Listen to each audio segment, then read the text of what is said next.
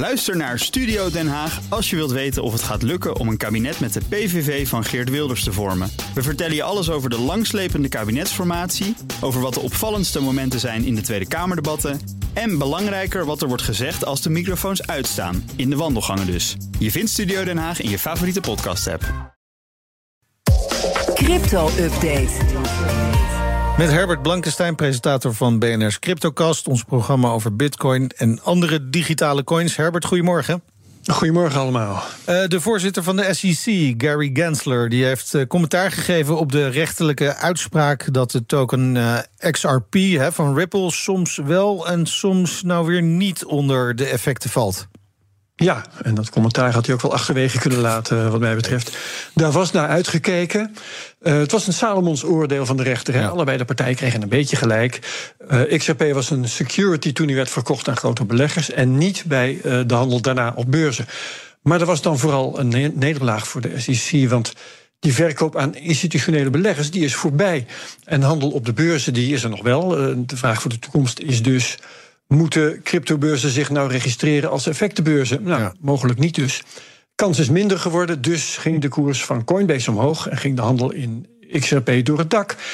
Nou, deze week liet Gensler zich dan interviewen door Yahoo Finance. En de million dollar question was: hoe verandert die uitspraak jullie benadering van cryptobeurzen en hoe verandert die jullie mogelijkheden om ze aan te pakken?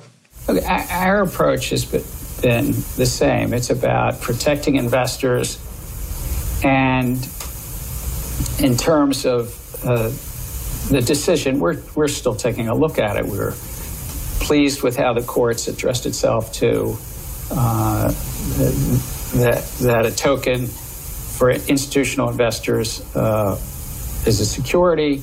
Disappointed in other aspect about retail investors, but we're still taking a, a look at that and considering it.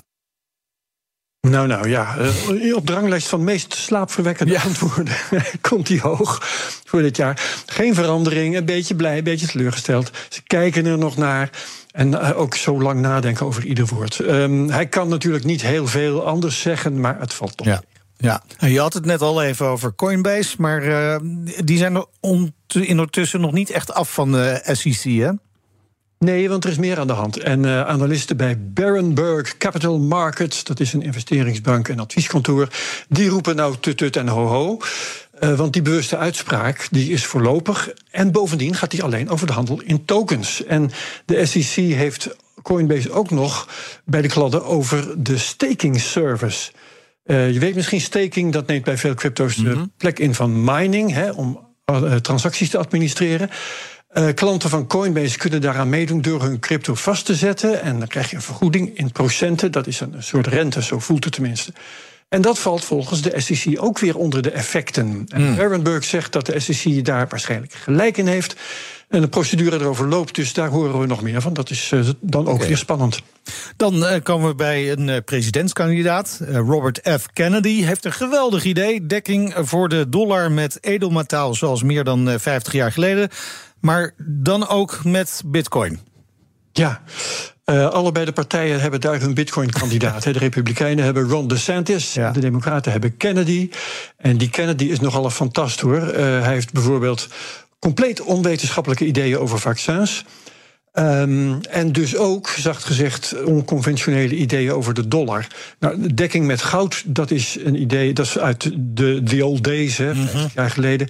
Dat weinig economen of politici tegenwoordig meer realistisch vinden. Maar daar kun je dan nog in geloven, of daar kun je naar terugverlangen. Dat is ooit gedaan. Um, dekking met bitcoin, zelfs maar voor een deel, zoals Kennedy dan, dan zegt te willen, ja, dat is, dat is te dol, dat is absurd. Um, want iets, als, iets dat zo volatiel is als bitcoin.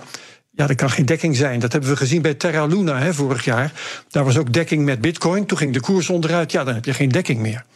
Bitcoin is ook te klein. Op dit moment zijn alle bitcoins ter wereld een kwart waard van alle dollars ter wereld. Dus dat gaat gewoon niet. Die Kennedy praat onzin. Hij gebruikt bitcoin om zich te profileren, net als de Santis trouwens. En ik hoop dat de kiezer dat doorziet. Uh, als we dan even kijken naar de, de koersen van de crypto... hebben zich dit jaar hersteld hè, van een slecht 2022. Maar de investeringen in crypto-startups, die, die zakken wel verder weg. Dat zegt een rapport van Galaxy Research. In het tweede kwartaal ging er 2,3 miljard dollar durfkapitaal naar cryptobedrijven.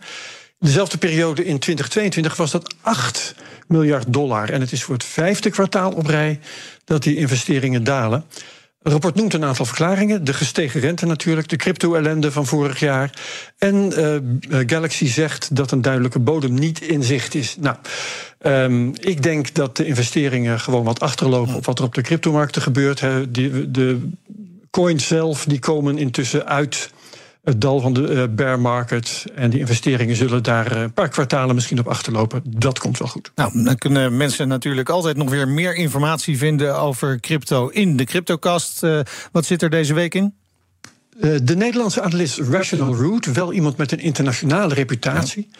Hij heeft 150.000 volgers op Twitter bijvoorbeeld. Uh, hij vindt zijn informatie vooral doordat hij de blockchain inspecteert en hij heeft iets ontdekt.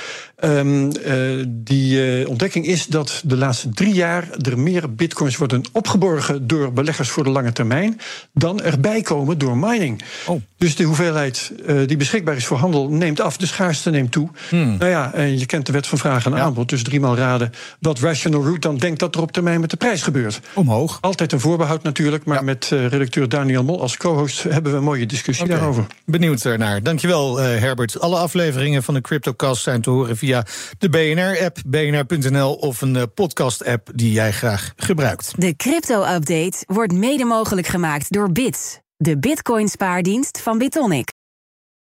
Ook Hugo Reitsma vind je in de BNR-app. Superhandig die BNR-app. Je kunt alle programma's live luisteren, breaking nieuwsmeldingen. Je blijft op de hoogte van het laatste zakelijke nieuws. En je vindt er alle BNR-podcasts, waaronder natuurlijk de belangrijkste, Boeken zijn in de wijk. Download nu de gratis BNR-app en blijf scherp.